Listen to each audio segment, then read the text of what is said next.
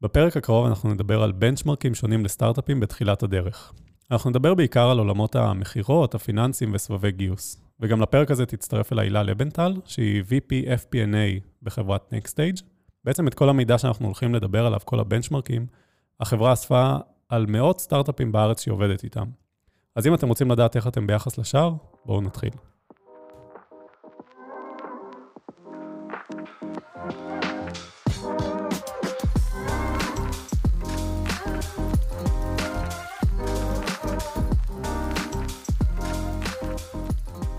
מה שלום מחילה?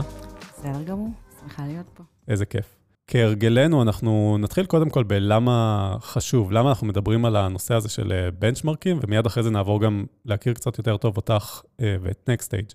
אז אם אני אקח רגע את הטייק שלי בתור אה, יזם שעבר את זה, הרבה פעמים אנחנו מנסים למדוד את עצמנו ביחס לאחרים, והפרק הזה מיועד לכל מי שרוצה למדוד את עצמו ולדעת להתכונן לסבב A. בעיקר אנחנו מדברים פה על חברות בין seed ל-A בשנה, שנתיים הראשונות האלה. ודיברנו הרבה בעבר על פרקים של KPIים ו-OKRים ואיך מסתכלים על החברה בצורה העסקית, אבל פה אנחנו הולכים ממש לדבר ברמה הפרקטית, להבין איך אתם עומדים ביחס לשאר. נכון. הרבה פעמים חברות ויזמים בעצם באים ושואלים אותנו איך אנחנו נמדדים ביחס לשאר, גם יש את אלמנט התחרות וגם בסוף המשקיעים בוחרים איפה לשים את הכסף שלהם, גם בסבבים המתקדמים יותר. ויש אלטרנטיבות, ולכן אה, כל החברות נמדדות פחות או יותר על ידי אותו סט של אה, בין אם זה מטריקות עסקיות ובין אם זה מטריקות פיננסיות קצת יותר אה, חשבונאיות. חשוב להכיר אותם, חשוב להגיד ולהבין מה הם ביצועים טובים יותר, ביצועים טובים פחות. יש הרבה דיבור של רבעונים, אני ברבעון העליון, אני ברבעון התחתון, אני באמצע, כדי להבין באמת מה זה אומר פרפורמנס שהוא, שהוא טוב ומקדם. מעולה. אז uh, כמה מילים עלייך, הילה? אוקיי, okay, אז בארבע שנים האחרונות אני VPF P&A, שזה Financial Planning and Analysis, למי שלא מכיר, ב-Next Stage. בעצם uh, הצוות שלי ואני מלווים uh, יזמים בכל מיני שלבים של חברות, רובם באמת בעולם של Seed ו-A, אבל גם בשלבים מתקדמים יותר. עוזרים להכין אותם לסבבי גיוס, עושים להם תקציבים, ובאמת נותנים להם מגוון מאוד רחב של בנצ'מרקים. על כל נושא שאתם שואלים, או גם שאנחנו חושבים שאתם צריכים לדעת לפני ששואלים אותנו. שאלה רגע על המדגם, בסוף אנחנו מדברים פה על מאות סטארט-אפים שאתם עובדים מולם. אנחנו כיוונו את המדגם הזה באופן ממוקד על סגמנטים מסוימים, על חברות מסוימות. ספרי לנו טיפה. אוקיי, okay, אז uh, קודם כל, uh, ככה מאוד מיקדנו את המדגם על חברות שהן uh, כבר עברו A, והסתכלנו בעצם איך הם נראו בשלב ה-seed שלהם, ואיך הם נראו בערב ה-A. גם כמובן הסתכלנו על חברות עכשיו שהן עדיין בשלב. Uh, חברות B2B, SaaS, כמובן. תמהיל של NextStage הוא כזה שרובו הוא סייברי, אבל לא רק, יש הרבה חברות של דאטה ו-IT ו... כל העולם הזה. המדגם הספציפי ש, שאנחנו נדבר עליו היום באמת מונה עשרות חברות. מדהים, ושאלה אחרונה, אנחנו נציג הרבה מהמספרים בממוצע, שזה די ברור איך עובדים עם זה, אבל רבעון עליון, רבעון תחתון, מה זה אומר? אוקיי, okay, אז ממוצע באמת כולם מכירים. רבעון עליון, רבעון תחתון, בעצם הלכנו וחתכנו את החברות לפי מי הפרפורמנס של ה-ARR שלהם הוא הגבוה ביותר או הגבוה הנמוך. זאת אומרת, 25% מהחברות שה-ARR שלהם הוא הגבוה ביותר, לעומת 25% אה, עם ה-ARR הנמוך ביותר, והסתכלנו איך החברות האלה, הפרפורמנס שלהם אה, בא לידי ביטוי במטריקות אחרות. בין אם זה השריפה, שתכף נדבר מה זה, גרוס מרג'ין, הרבה, הדקאונט, הרבה דברים אחרים. אז יאללה, בוא נתחיל. החלק הראשון שאנחנו מדברים עליו זה מכירות, ונראה לי שאלת הזהב ששואלים אותי כל פעם, האם יש לי מספיק מכירות להגיע לגיוס A? אז מה אנחנו רואים? אז בעצם אה, רוב החברות אה, שמגיעות ל-A כבר באמת מתחילות אה, ככה, מגיעות ל-A כבר עם מכירות ראשוניות. החברות הטובות יותר, באמת ברבעון הגבוה, הן מגיעות עם קרוב למיליון דולר, זאת אומרת, בין חצי מיליון דולר למיליון דולר כבר שיש להם, שזה בערך עד עשרה לקוחות ראשונים, ש- שהם... בדרך כלל זה design wins ראשונים כאלה, שהם באים בתצורות שונות. אז בעצם את אומרת ש... כדי להצליח לעשות A מסוים, כאילו האידיאל זה להגיע למעל חצי מיליון דולר ב-ARR, שזה באמת מה שאני מכיר ורואה. אמנם עושים גם פחות, אבל uh, צריך להראות איזה שהן מכירות משמעותיות. השאיפה היא להגיע לכיוון המיליון, גם כשבאים אלינו יזמים בהתחלה ואנחנו ככה שמים את התוכנית, אנחנו מכוונים לכיוון המיליון, ובפועל מה שאנחנו רואים, שזה באמת בין, בין חצי מיליון למיליון דולר. יש משהו לגבי גודל עסקה ממוצע? כן, אז בעולם של ה-B2B, באופן כללי, יש העדפה לגודל עסקה ממוצע שהוא ככה גבוה יותר, לא להתעסק עם 15-20 אלף דולר, אבל כמובן של... לחברות יש גם איזושהי סגמנטציה. בעולם של הסייבר אנחנו כן רואים שעסקאות ממוצעות, גם בשלב הזה נושקות ל-100 אלף דולר, 100 אלף דולר וקצת, זאת אומרת, נעות סביב ה-100 אלף דולר. בעולם שהוא לא סייבר, זה קצת יותר נמוך.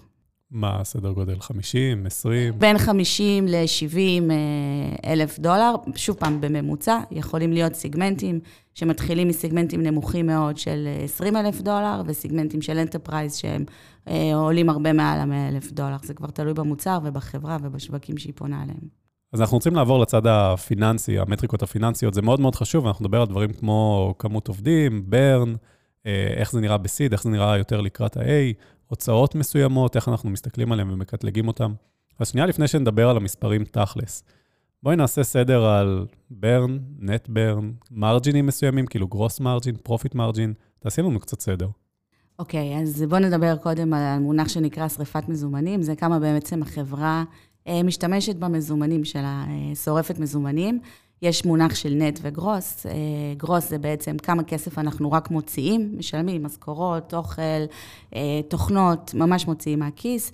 נט כבר לוקח בחשבון שיש לנו איזושהי הכנסה שנכנסת מלקוחות, אז הסכום שריפה בעצם הוא קטן יותר, כי יש לנו גם הכנסות וגם הוצאות. לרוב כנראה לסטארט-אפים בתחילת הדרך הגרוס והנט יהיו די זהים, כי ההכנסות יחסית זניחות. נכון, בהתחלה הם ממש שווים כי אין הכנסות, ואז ככל שמתחילות ההכנסות לאט-לאט זה מתחיל אה, אה, להשפיע בקטנה, ולה, וככל שגדלים הלקוחות וההכנסות גדלות, זה כמובן תופס אה, כיוונים שונים.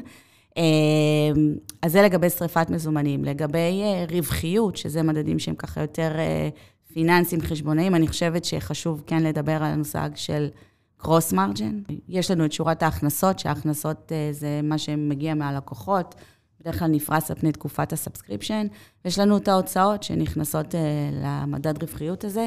בעולם של SaaS, ההוצאות אה, הן די מינימליות, יושב שם בעיקר כל נושא ה-Cloud Cost, הספקיות, אם זה AWS, Azure, GCP, ודומות, אה, וגם כל נושא ה-support. זאת אומרת, אם יש לי אנשים שתומכים בלקוחות, עולמות של post-sale, אה, אז האנשים האלה, השכר שלהם וכל מה שקשור אליהם, בין אם זה ה-travel שלהם וה-training שלהם והכול, בדרך כלל ב, יישב ב, גם ב, בתוך החישוב של הרווחיות הזאת, לא תמיד בצורה מלאה, אבל זה כבר לפרק אחר, אבל אלה שני העולמות הבאמת... הכי קריטיים לחישוב הזה, ואז בעצם כשמסתכלים על ההכנסות, פחות ההוצאות האלה, מגיעים לאיזשהו מספר. המספר הזה מתוך ההכנסות, זה הרווח התפעולי, זה, זה ה-gross margin באחוזים. בחברות SaaS אה, יש ציפייה לראות gross margin מאוד אה, גבוה, אם נשווה את זה סתם לחברות אה, יצרניות או בעולמות אחרים.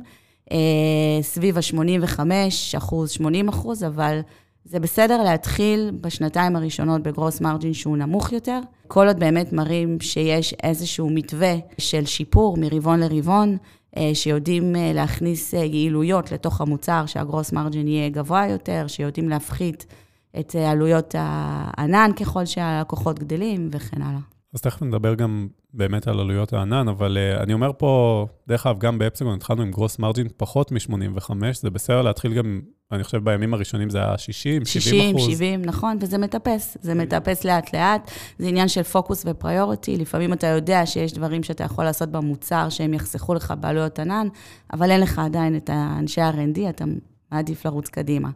Uh, צריך שיהיה roadmap. נכון, אז בואו נתחיל באמת עם המספרים הראשונים. burn, כמה, נדבר ספציפית על gross burn, איך הוא נראה ב-seed ואיך הוא נראה בואכה ל-round A.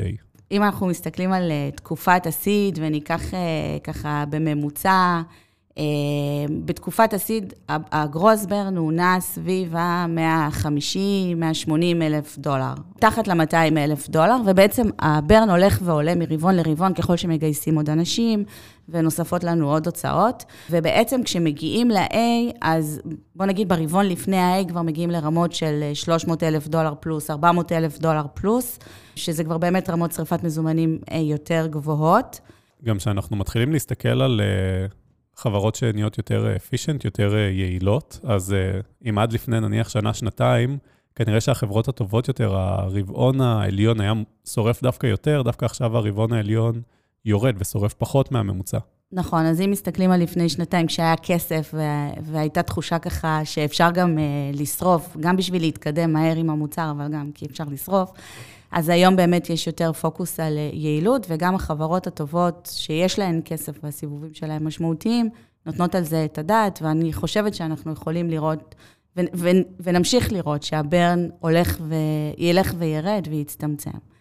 אז אם אני עושה סיכום על החלק הזה, בעצם גרוס ברן בממוצע חיי הסיד, זה באזור ה-150, 170, 180 לחודש, וברגע שמתקדמים יותר לראונד A, אז אנחנו מדברים על סדר גודל של 350 עד 400 ו, שגם פה הציפייה היא להיות על הסף הנמוך ואפילו לרדת. מילה אחרונה להוצאות ענן, בסוף ה-COGS בעיקר מורכב כולו מענן בחברות כאלה, כי אין, אין, אין הרבה אנשי מכירות, אין הרבה אנשי customer success. מה, איך נראות ההוצאות על ענן בשנים האלה? רוב, כמעט כל חברות הסטארט-אפ בהתחלה ממש חיות ככה על קרדיטים שהן מקבלות מחברות הענן, שרוצות למשוך אותן אליהן. אני חושבת שהקרדיטים האלה נעים סביב ה-100 אלף דולר, זה תלוי בחברות, ולעיתים גם מוגבלות בזמן, אז צריך ככה לנהל את מתי אני מתחיל לצרוך את הקרדיטים האלה, מתי הנקודה ששווה לי להתחיל לצרוך אותם. ואני חושבת שחשוב גם לא פחות זה לנהל את הנקודת יציאה מהקרדיטים האלה. אה, מה אני הולך לעשות כשאני יוצא מה-100 אלף דולר, כשהם מסתיימים לי? האם אני הולך לעשות חוזה עם החברות האלה? האם אני הולך לבקש הנחות מסוימות שהן לאו דווקא תלויי חוזה רב-שנתי שצריך לחכות אולי ככה ווליום יותר גבוה בענן, וכן אה, לשים את זה בפוקוס, לשים מישהו בחברה, בין אם זה DevOps, בין אם בשלבים אחרים יש פינופס, ש, שחי את זה ונושם את זה, ודואג שעלויות הענן הן אה, מאוד יעילות. נכון, אז אני אגיד רגע מהצד שלי, גרוס מרג'ין באמת זה משהו שעד A לא מסתכלים עליו, החל מ-A מתחילים להסתכל עליכם, וזה בסדר גם אם יהיה מספר נמוך והוא צריך לעלות. כדי לעשות את הדברים האלה נכון, צריך לעשות הפרדה טובה לסביבות. אם עכשיו עובדים הכל באותה סביבה וקשה להפריד, לא רק שלאזור של הראיית חשבון יהיה מאוד קשה לקטלג את זה, אבל גם לכם אחרי זה יהיה קשה להגיד מה באמת ה-gross margin שלכם, כמה אתם באמת מוציאים על עלויות של production, להחזיק את הלקוחות שלכם. כדאי לעשות את ה... לבנות את הדברים האלה כבר בתחילת הדרך בצורה נכונה. נכון, אחר כך היכולת לדעת אם לקוח מסוים או עסקאות מסוימות הן רווחיות או הפסדיות, מה ה-pricing point שאני צריך לקחת בשביל לכסות על זה. אה, בשביל לתת את התשובות האלה, אתה צריך לעשות את ההפרדות האלה. אני רק אדייק משהו קטן. gross margin מתחיל להימדד שמתחילות מכירות. בעצם לפני שיש לי מכירות, אין לי עלות מכר. אה, אז בעצם מתחילים למדוד את זה ברגע שמתחילות מכירות, מהשקל הראשון. נכון, אני מסתכל בפרספקטיבה של יזם שצריך לגייס, אז לרוב בסיבוב A משקיעים לא יותר מדי יסתכלו על זה, כאילו הם כן יבקשו את המספר, אבל בגדול לא יהיה אכפת להם. בסיריוס B כבר מסתכלים, כאילו רוצים לראות שהחברה, אה, יש לה מודל הגיוני, שהיא כבר נמצאת במספרים הגיוניים ולא מאוד רחוקה מהטווח. נכון מאוד. בואי נדבר על החלק האחרון, fundraising. דבר ראשון שתמיד סקרן אותי זה כמה זמן צריך מ-seed ל-A שיהיה מוצלח. כמה זמן עובר בחודשים? אה, מה שאנחנו רואים בממוצע בין seed ל-A, זה בערך לוקח שנתיים, יש כאלה שזה שנה וחצי, יש כאלה שזה קצת יותר משנתיים, זה פחות או יותר הזמן. אני כן חושבת שעכשיו הזמן הזה הולך uh, ומתארך. בוא נאמר שכל חברות ה-seed שמצטרפות uh, ככה, עכשיו אנחנו מכינים אותן לתקופה שהיא יותר ארוכה. משנה וחצי, אה, שנתיים, יותר לכיוון השנתיים וחצי. אה, גם מתוך הבנה, דרך אגב, שהסיבוב עצמו של ה-A אה, יכול לקחת עכשיו הרבה יותר זמן ממה שלקח לפני שנה או שנתיים. אז זה פחות או יותר מסגרת הזמן. בוא נגיד סביב השנתיים, לכאן או לכאן. כן, אני אגיד שכאילו, אני מסתכל על המספרים, 15 חודשים בממוצע, 17 ליותר טובות, ואני מתחיל להסתכל על המידע ואומר, כל מה שהיינו רגילים אליו ב-21, ש... עושים פריאמפשן אחרי שנה וכל זה, זה א' כל לא באמת מעיד על הצלחה. יש מקרים שבהם זה באמת אה, אחלה, כי החברה מצליחה וצריכה עוד כסף, אבל זה כבר לא הוואו פקטור. חברה גם שתגייס אחרי שנתיים מ-seed ל-A, הכל טוב. יכול להיות שהיא סופר מוצלחת, יכול להיות שהיא עושה את החישובים הפיננסיים של באמת כמה כסף היא צריכה, ולהגיע עם ולואציה יותר טובה, שתכף נדבר על זה. והכל טוב, אז אין לחץ. נכון, בסופו של דבר אתה יוצא לסיבוב הבא כשאתה צריך את הכסף, או אם יש לך איזושהי אה, הזדמנות אופורטוניסטית לגייס כסף, שזה גם טוב. אה, ואם לחברה היא בנויה בצורה יעילה, היא בנתה לעצמה את התחזית עבודה שלה בצורה יעילה וטובה, גייסה מספיק כסף וגם מוכרת ונכנס לה קצת מזומן כאוויר, יש לה runway קצת יותר ארוך, ולכן לאו דווקא היא תמהר. אה, לצאת ל-A. כמובן שאף אחד בתקופה, נגיד, כמו שאנחנו חיים היום, לא ירצה לעשות A אה, ולעשות אותו בדאון ראוט, שזה אומר שהשווי הוא נמוך יותר, ולכן לא תמיד אה, צריך למהר, צריך לראות שמגיעים בתנאים הכי טובים ל-A. ואני חושבת שאנחנו גם רואים היום תופעה כזאת של seed extension, שבעצם עושים איזשהו extension ל-seed, לא קוראים לזה A, בשביל להגיע ל-A בצורה טובה יותר, זה לוקח יותר זמן. כן, נגיד שהסידים שאנחנו רואים היום הם סביבות 6-7 אה, אה, מיליון דולר. באיזה אבלואציה אנחנו רואים היום את ה-seed post-money? הוולואציה של seed post-money היא סביב ה-14-15 מיליון דולר.